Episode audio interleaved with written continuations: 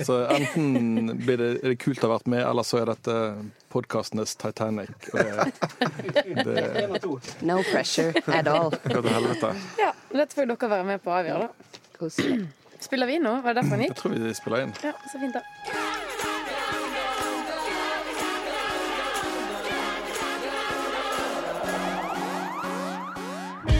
Velkommen til den aller første episoden av Republikken, en podkast fra kulturavdelingen til Bergens Tidende. Mitt navn er Kjetil Ullebø, og jeg skal være programleder. Og jeg heter Guro Holm Bergesen og er leder for kultur i BT. Republikken er en podkast der vi inviterer folk fra kulturbyen Bergen til å snakke om det som skjer i kulturbyen Bergen. I dag har vi med oss Pedro Carmona Alvarez, som er forfatter og eh, rockestjerne, eller noe i den dur. Hei, Pedro. Går det fint? Hallo. Ja, det gjør det. Du går, rett før jul så ga du ut en ny utgave av The Beatles' hvite album, som egentlig heter The Beatles. Ja, det stemmer. Um, Litt av et prosjekt. ja, det har vært eh, en, et slags lekegrind som vi har eh, Ja, vi har holdt på i mange år, men litt sånn av og på, da.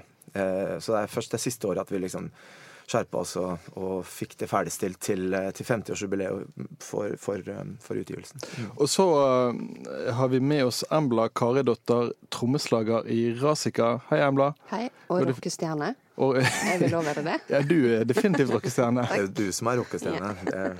Går det fint? Det går veldig fint nå. Du, jeg tenkte vi må begynne å snakke litt med deg, Embla. Eh, Lørdag eh, 19. januar så spiller dere det som kanskje er deres siste konsert i Bergen. Hvor eh, tårevått blir det på en skala fra én til ti? Eh, jeg, jeg kommer ikke til å grine, da, for jeg gjør ikke sånt. Men jeg tror eh, det blir veldig Eller jeg kjenner faktisk at jeg blir nervøs nå når du nevner det. Ja. Fordi det er så få Det er bare ti dager til. Eller, ja. Jeg har ikke dere, dere har ikke kontroll? Eh, jo, vi har kontroll. Vi har nettopp hatt preprod, og liksom alle Preprod, det er der dere liksom det- for, for, liksom for de som ikke er i musikkbransjen, så det er på en måte der dere øver på å ha konsert. Ja, vi spiller egentlig konserten for oss sjøl, lystekniker og lydtekniker, Mm. og eh, management og alt sånn. Så var vi veldig redd for at de skulle si sånn Hva er, hva er dere drevet med? Dette er jo dritt. Alle vi har hatt mareritt om det og sånn. Eh, men så sa de at det ble fantastisk, så nå Ja. blir det veldig gøy. Nå har, vi, nå har ikke vi den to ukers angsten lenger. Nei. Ja, og For de som ikke har fått det med seg, så har altså Rasika bestemt seg for å gi seg i 2019. Ja. Ja. Etter 2019, da. Etter 2019. Ja. 2020. Så dere har tolv måneder igjen, sånn cirka. Ja. Det blir det beste året vårt. Det er jo typisk oss. Det er nå vi selger ut. Vi gir oss. Å, helvete, vi må skynde oss å se dem. Men jeg tror jo at vi Typisk oss når vi er sånn 30 eller 35, eller så er vi sånn Herregud, savner dere det òg? Ja, jeg òg. Og så er det sånn Skal vi ta en sånn kjerring-reunion og bare gønne på å spille en, en siste konsert, liksom? Men vi vil ikke ha noe sånn at vi gir oss, og så kommer vi tilbake igjen året etter med sånn Nei, vi hadde ikke råd til å slutte, da. Så vi gir oss. Men det er jo typisk oss. Eh, Jeg foreslo for eksempel for Mariam Dam at vi kunne kan gi ut en plate med sånn masse covre, masse kampsanger og sånn. Typisk oss. Når vi er sånn 40. Da kommer liksom sånn Elinors vise og alle disse her ut med Rassika-style. Så vi, vi dør ikke helt. Vi kommer nok Nei. tilbake en gang langt inn i framtiden. Ja. Kjetil eh, introduserte jo Pedro som eh, eh, forfatter og rockestjerne. Er det noe forskjell på litteraturfans og musikkfans, tror du? Ja, det er jo det. Jeg har jo ikke hatt så mange musikkfans de siste åra, må jeg jo bare si. Altså, jeg har jo holdt meg ganske lavt i terrenget i veldig, veldig mange år. Jeg, fra liksom typ 2004-2005 så har ikke jeg turnert. Jeg har, ikke, jeg har gitt ut plater, men jeg har gjort veldig lite live-ting. sant? Så det er litteraturen som har liksom vært hovedbeinet de åra der. Eh, og litteraturpublikum er jo helt klart annerledes. Eh, eldre folk. Eh, kulturfolk på en annen måte, liksom. Mm. Så jeg, jeg syns det er, er flott å høre Embla si sånn når vi blir sånn 35, akkurat som om det var eldgammelt. Så man skal jo leve og etter 30, på en måte, av det her. Eller, Men det var jo, det var jo som musiker du kanskje var du var kjent for folk først i et band som het Sister Sonny. mm. Som var sånn Vi kan vel si det, dere var sånn halvstore på slutten av 90-tallet, rundt 2000, og hadde en, eh, en EP på 16.-plass på VG-listen. Mm. wow. Never forget. Wow. Eh, Var dere på en tåredryppende Eller eksisterer det bandet fortsatt, egentlig? Ja, det gjør jo egentlig det. Vi har jo aldri liksom eh, blitt oppløst eller uh, Dere har aldri vært på, dere har aldri vært på avskjedsturné? Vi har aldri vært på avskjedsturné. Eh, vi skal faktisk gjøre litt, et par jobber nå i våres i forbindelse med noen reutgivelser og noen gamle ting som skal ut på vinyl. Eh, så vi har eh, øvd i høst for første gang på 15 år, tror jeg. Og det var veldig fint.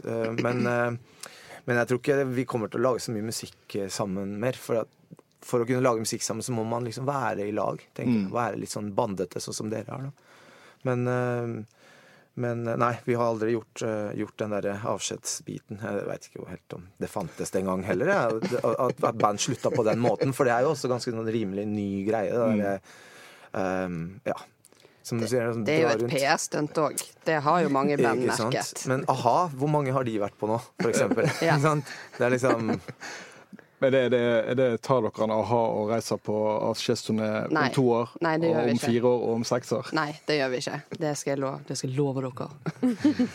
ja, Men du, eh, Embla, dere, eh, dere kom jo med en ny plate eh, rett før dere sa at dere skulle gi dere i Mm. år. Mm. Og sånn som jeg forsto det, så var det en litt eh, strabasiøs innspilling av hele platen. Kan du få fortelle litt om det? Ja, det var jo så mye styr å lage den òg. Du blir jo Altså, det hjelper jo å være sammen, som du sier, men eh, når man er sammen fordi man ja, Dette høres ut som et luksusproblem da, for folk som spiller i band, men vi turnerte så mye og spilte liksom et tre år gammelt sett at det ble veldig kjedelig. Vi ble veldig lei av våre egne låter. Eh, og så eh, fikk vi aldri tid til å spille eller lage nye låter, og vi var ikke liksom sånn kreativt eh, inspirert eller noe. Eh, Så dette har vært den vanskeligste platen noensinne å lage. Det var sånn én og én, eller to og to linjer. Snakket med hverandre og var én og én sto i et hjørne og sa til seg selv er dette slutten? Eh, og var sånn ja, nå, er, nå blir det slutten, vi klarer ikke å lage mer. Men så presset vi det ut, da. Jeg er veldig glad for det. Um, Spilte i litt forskjellig studio, hvis det er det du mener. Ja, For dere var jo i eh, en tur i Berlin som Ja, var var en sånn middels suksess. Det var null suksess. Det var så bortkastede penger. Eh, men vi fikk møte eh, produsenten, eh, ikke Gordon Ramsay, eh, Gordon Rafael. er? Stjernekokken, altså. Yeah. Det er ikke rart det ikke gikk. Nei. Eh, f- som har spilt inn, vært produsent til The Strokes. Og nå, f- ja, noen foreslår vi dere spille inn en plate med produsenten til The Strokes, som vi var veldig fan og inspirert av. Mm, I Berlin så er vi sånn «Øh, Ja!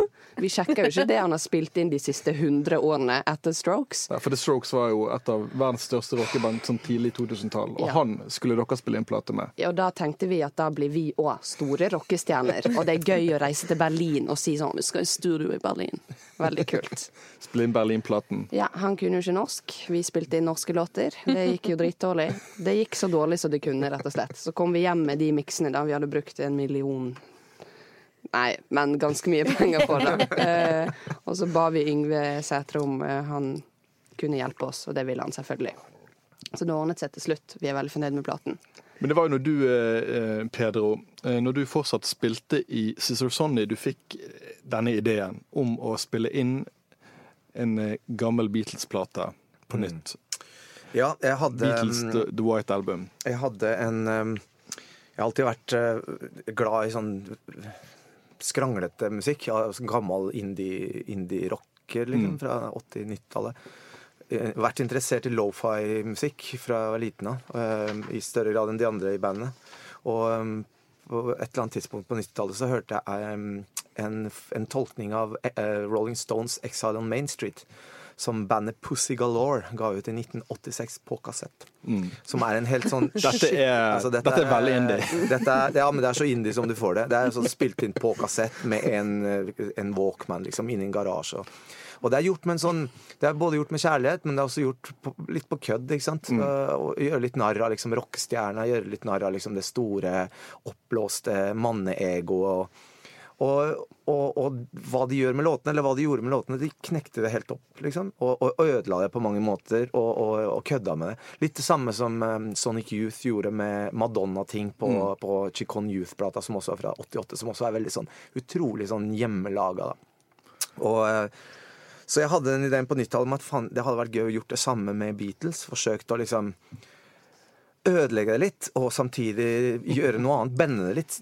Strekke det litt ut. Det er på en måte det ordet jeg har tenkt på hele tida. Sånn elastisk. da, At du kan strekke ut låter, du kan strekke ut musikk. og så kan du Uh, Beatles har jo veldig avanserte kordprogresjoner og sånt. Bare forenkle ting. Gjøre det liksom til noe annet. da. Men de likte ikke den ideen noe særlig.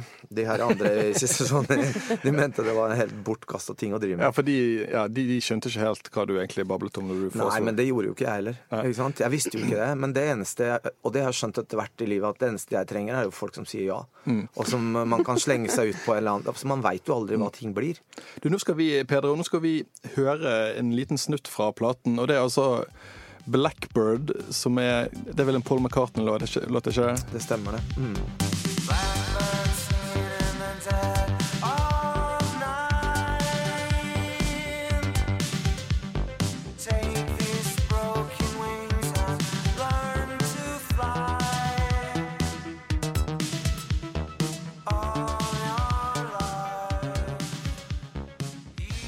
Dette var ganske annerledes enn originalen. original. Kan du fortelle hva du har gjort med denne låten? Uh, Blackbird uh, tenkte jeg først at jeg skulle forsøke å gjøre som Jeg, jeg lagde, bytta akkordene, eller i hvert fall gjorde en, et sånt kordarbeid. Og så tenkte jeg tenkte på gammelt REM. Det er Ja. det jeg ville at det skulle være. Så lenge så var den låta eh, en sånn jingle jangle birds i REM-aktig dippedutt som, eh, som gikk, da. Og, men jeg fikk han liksom aldri helt til å bli sånn som jeg ville. Så den siste uka eh, i mikse- mikseuka så ble jeg så frustrert at jeg bare tok alt, vekk alt, bortsett fra vokalen. Og så lagde jeg bare programmerte trommer og lagde synt, altså en mer sånn Depeche Mode-aktig greie ut av det. Bare fordi at jeg, jeg, var, jeg var så lei å ikke få til den derre den andre biten av, av, av ideen. Så det var, det, dette er en veldig sånn rolig akustisk låt av Paul McCartney som du har gjort om til en sånn nesten litt sånn 80-talls synthpop-låt. Ja, ja, ja. Embla, eh, jeg har jo sett noen sånne gamle bilder fra øvingslokalet deres, og der husker jeg det hang masse Beatles-plakater. Ja, de var ikke mine, for å si det sånn. Nei, for det Jeg, jeg spurte deg her før eh, hva- er ditt forhold til Beatles? Nå må du være helt ærlig overfor Ja. Pedro her. Eh, jeg eh, Det er jo ikke lov å si, virker det som. Hver gang jeg sier noe, så virker det som jeg støter alle folk, eller at de tror at jeg sier det for å liksom provosere. Men jeg liker ikke Beatles. Og da er folk sånn Og da har ikke du hørt The White Album? Så er jeg sånn Jo, jeg har det. For min første kjæreste var jo sammen med han i fem år. Tvang meg til å høre alle Beatles-platene om og om igjen. Og være sånn Denne da, denne da. Og Er jo det, er det litt derfor du ikke liker det? Nei, men det er jo sånn, det er jo ikke det at det er dårlig. Det var det at det er ikke, det er ikke noe som fanger meg. Eller sånn, åh, den følelsen jeg når jeg hører på den, eller den er kjempetrist, eller den vil jeg høre på nå når jeg er glad. Jeg syns det er litt sånn her kommer det. Litt sånn klovnemusikk. eh, og når de har dratt til India, da er det sånn oh, men denne Når de har vært i India, da er jeg sånn yeah, hva er det med det? Jeg syns ikke det er fett heller. Så, og alle i Rassega elsker jo Beatles, eh, bortsett fra meg. Eh, og de er jo sånn Men da har ikke du hørt den, og du har ikke hørt den. Men jeg har hørt alt. Men eh, så jeg var mer sånn Det var Beatles-plakater overalt i øvingsrommet, og så bak der ved trommene så kunne jeg få ha mine Nirvana-plakater. Eh, og så møttes vi liksom på Vi kunne eh, alle henge opp eh, The Doors-plakaten i enighet, da. Sånn The Doors og The Strokes. Men jeg hørte på ditt, ditt faktisk, The White Album. Lagt til flere av sangene i flere av spillelistene mine på Spotify. Ja. Fordi det høres jo ikke ut som Beatles, sant? Når det gjelder Beatles eh, Mye bedre enn Beatles, Pedro. Tusen takk. Tusen takk. Det mener jeg av hele mitt er vi vitne til noe veldig vakkert her, altså. Ja, er ikke det gøy? Jeg lever jo med en kvinne som har akkurat samme Beatles. Hun syns Ok. det er barnslig. Hun brukte klovnete. Ja, klovnete. Og jeg vil si gubbete, men det er ikke mot noen her. Men det er det samme Rolling Stones og, og alle de der Beach Boys og sånn. Litt sånn tulle... ja. Embla, nå krenker du veldig mange voksne menn her. Jeg vet det. Ok, nå, Unnskyld. Nå har vi altså slått fast at uh, både Beatles, Rolling Stones og Beach Boys lager enten gubbete eller klovnemusikk. Dette er Klovnete Litt sånn blanding. klovnete gubbemusikk. Litt. Uh, Du, Pedro, du er jo også forfatter. Du begynte som poet, men er kanskje etter hvert blitt mest kjent som roman, romanforfatter. Eh, Og mange går, du, du begynte jo på en trilogi i, her for noen år siden, eh, med boken 'Og været skiftet og det ble sommer' osv. Og, Mm. og deretter Bergen Ungdomsteater. Når kommer siste boken der?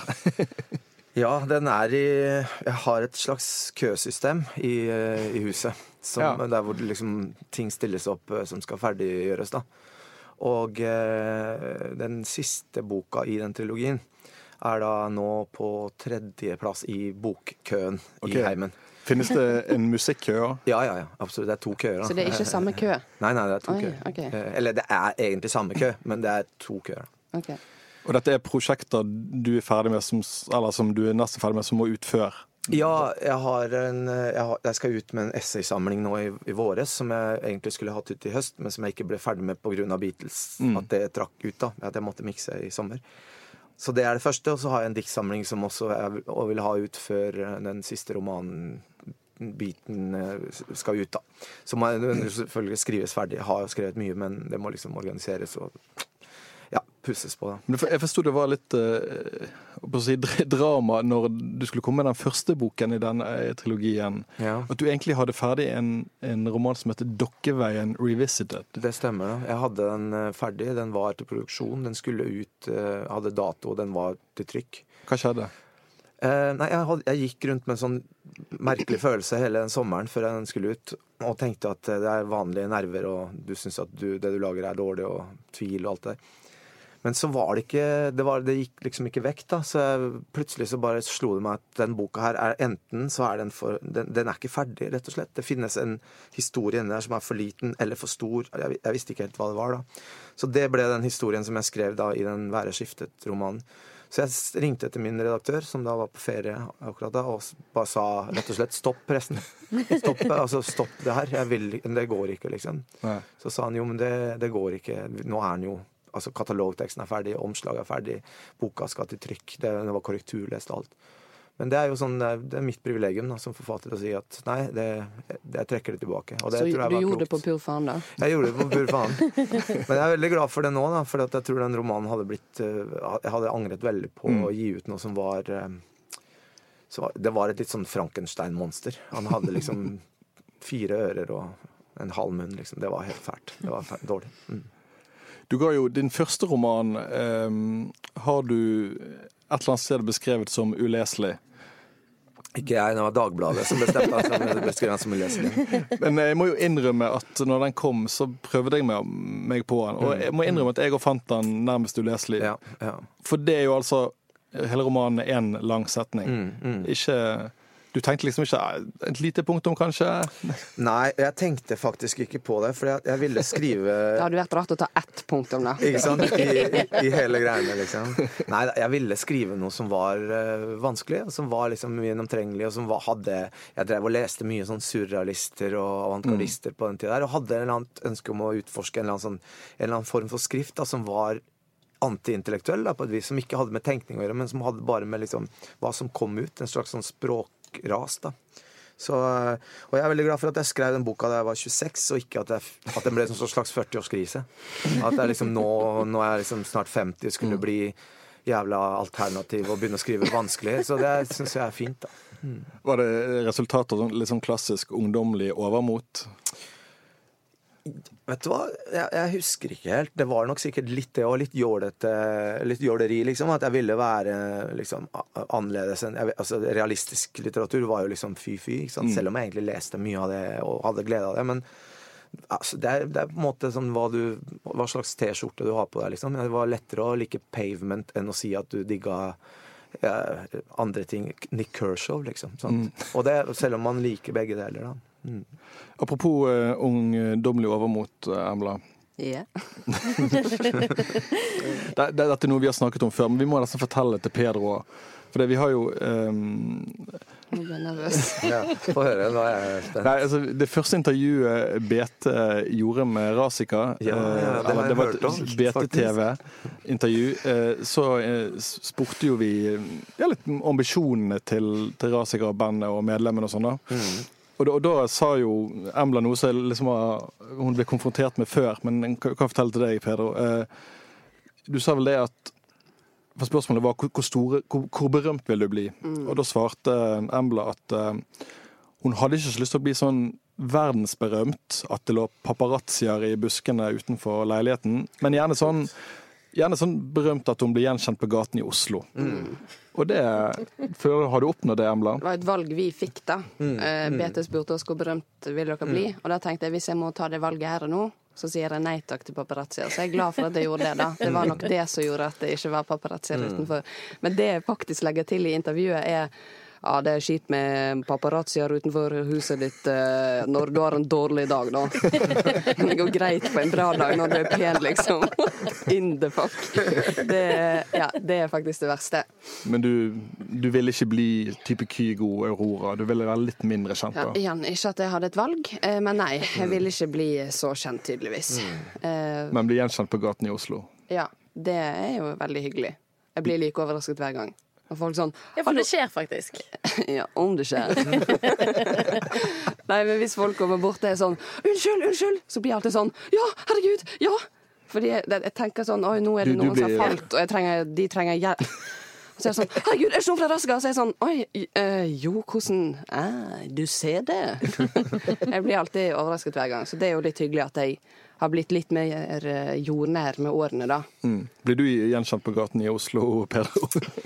Ja, det hender, men ikke så ofte. Eh, og det er helst i litt- litteraturmiljøer eh, og sånn. Men eh, jo da, det har, det har skjedd. Hva spør litteraturfansen om, da? De har Nei, de alltid de verste de spør, spørsmålene. ikke, de spør ingenting. Altså, men jeg, jeg vet ikke om hvordan du tenker på fans, men fans er eller fans. Folk som liker det du gjør, er ofte interessert i å si ja, du har lest boka, jeg syns den var veldig fin, eller hørt en plate. Og så er de interessert i å snakke om seg sjøl. Ja. ja. Og fortelle at de òg skriver, eller at de òg gjør ting, eller at uh, de kjenner noen, og at de en gang Altså, det er liksom Det er veldig altså, Som i livet ellers. Folk er mest interessert i å snakke om seg sjøl, altså. Det var en gang en jente Dette er jo veldig stygt, for det er jo folk som liker deg. Men det var en jente som kom til meg en gang og var sånn Hallo, den Lyg for meg, som jeg har skrevet Skrevet to låter, takk for meg. Eh, den Jeg bare føler Den er meg, liksom. Så var jeg sånn Å, så kjekt. Hyggelig. Nei, jeg tror ikke du skjønner. Den, det er meg. Og jeg var sånn Ja, det er jo ikke det, da. Men eh, ja, det er meg. Men ja, så hyggelig. Nei, men sånn seriøst, alle vennene mine sier sånn 'Herregud, den er jo om deg.' Og jeg var sånn Ja. Jeg, jeg, vet, jeg visste ikke hva jeg skulle si, for det er sånn Ja, det er kjempehyggelig, men det er jo ikke det. Men Embla eh, og Pedro, og for så vidt Guro, Ja, nå må vi eh, snakke om noe litt annet. Um, I løpet av fjoråret så var det mange konsertsteder i byen som ble lagt ned. Både Garage, Chagall og Klubb Kok. Men nå kommer jo det faktisk et helt nytt sted, som skal hete Underlig. Eh, og det er jo nettopp mannen bak Chagall, Gotthard Larsen, som starta dette. Eh, Sammen med noen av folkene som tidligere drev Klubb Kok, bl.a. Rashad Eyad. Har dere eh, troen på dette stedet? Ja. Jeg har blitt eh, Jeg har det, faktisk. Jeg ble veldig glad da jeg så at det skulle starte opp. Har Det er jo vanskelig for folk å spille ute. Det er kjipt at liksom folk eh, skal ha 15 ganger så mye husleie, og, eller velger å ha Deli de Luca. Altså Den typen forflatning av bybildet da, er jo ille, liksom. Så, mm, så jeg er veldig, veldig glad for at folk orker å ta et tak og gjøre og, og gi, gi musikere muligheten for, til, til det her. Så jeg, ja, jeg har et, et stort rungende ja i mitt hjerte for det nye stedet Underlig. Kjetil, du, eh, har, eh, du har jo vært eh, i dette lokalet. Jeg har vært der. Hvordan, hva slags lokale er det? Altså det er jo i, Det ligger jo der i Valkendorfs gate, som er en av tverrgatene til Torgallmenningen. Det er jo i den kjelleren hvor Scotsman tidligere var. Jeg tviler på at verken du, Embla, eller du, Pedro, var stamgjester på Scotsman. Jeg var der under fotball-VM av Ja. og til, så fotballkamper. Ja. Jeg var der under fadderuken en gang. Var du det? Det var, eh, det var eh, Fadderuken. Det er favorittuke. vil jeg si.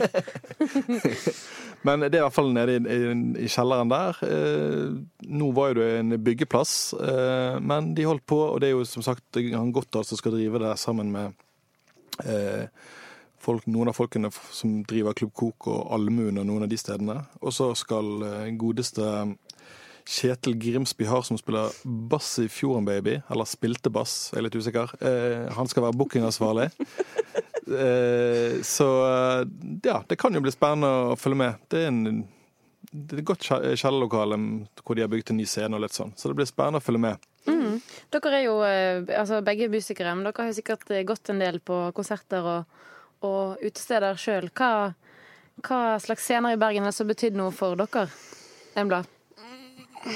Eh, er veldig dårlig konsertgjenger, det skal jeg bare innrømme med en gang. Eh, men eh, Hulen har jo betydd faktisk eh, veldig mye for oss, fordi at de arrangerte mye ungdomskonserter, og de hadde alltid lov til Vi hadde lov til å ha Mikael som verge. Mikael Telle, altså. I, Ja, vår manager. Eh, og det var jo veldig eh, chill, fordi at hvis vi ville ha med foreldrene våre på konsert, så var de sånn åh, kanskje vi drikker, det blir kjipt, la, la, la. Mens Mikael drikker jo ikke, så det var perfekt. Og da kunne han liksom ta oss med på konserter.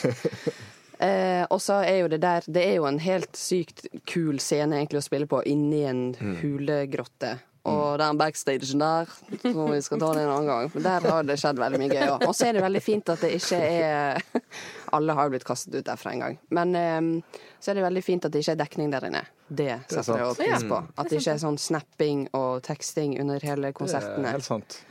Det er så digg. Og at man faktisk må ut for å få kont... Og så kan man bare si 'Å, jeg hadde ikke Jeg var på Hulen, så jeg kunne ikke svære deg'. Prøvde du å ringe meg? Nei, jeg var på Ja. hulen, sorry.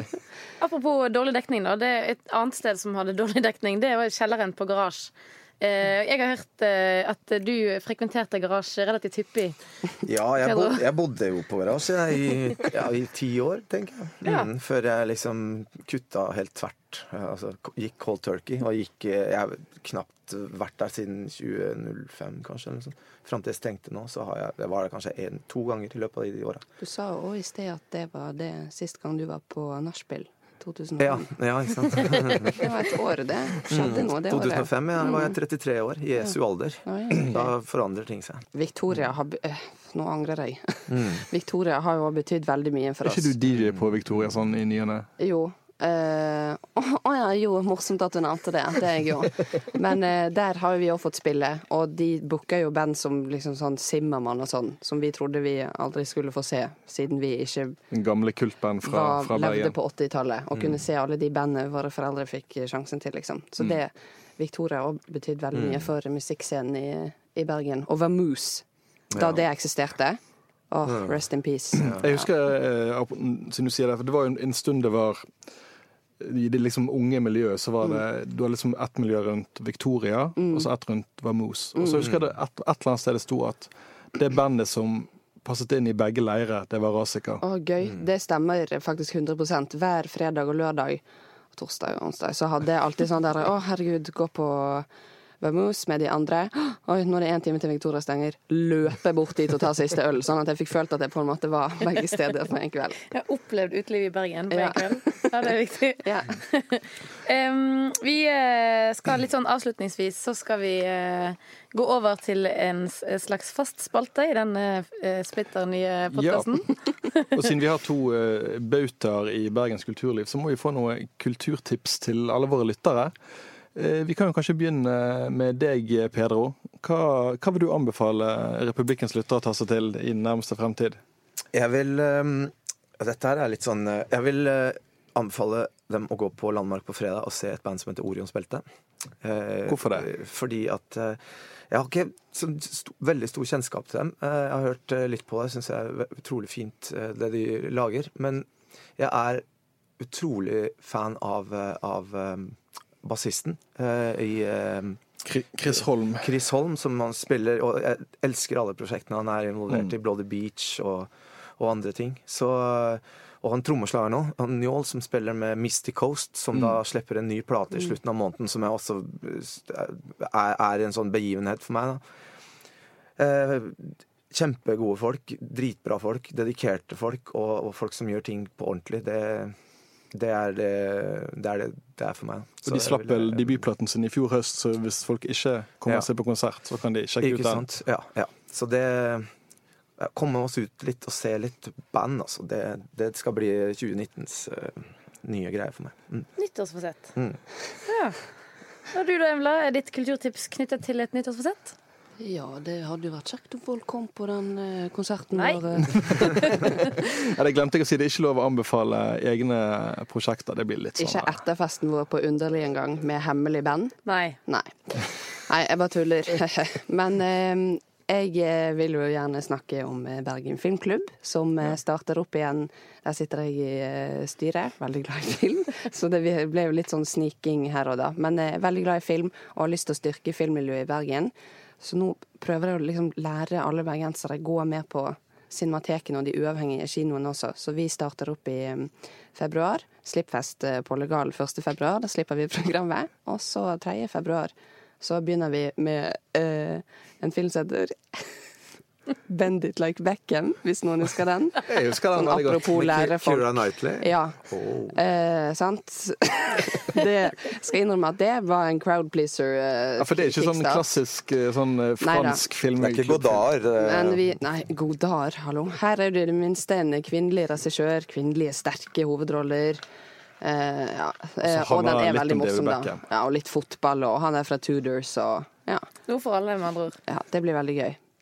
Ja, men Det høres veldig bra ut. Um, nå til slutt i, i Republikken så tenkte vi um, spille noe splitter ny bergensmusikk.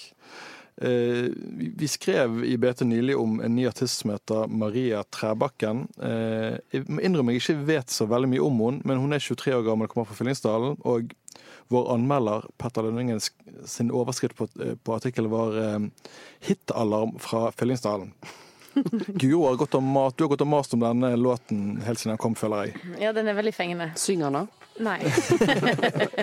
Låten heter 'Unnskyld', og den skal vi spille nå. Produsent for denne podkasten har vært Henrik Svanevik, og ta gjerne og abonner. Og så tusen takk til Embla og Pedro. Takk for oss. Takk for oss. Takk. Jeg vet jeg ikke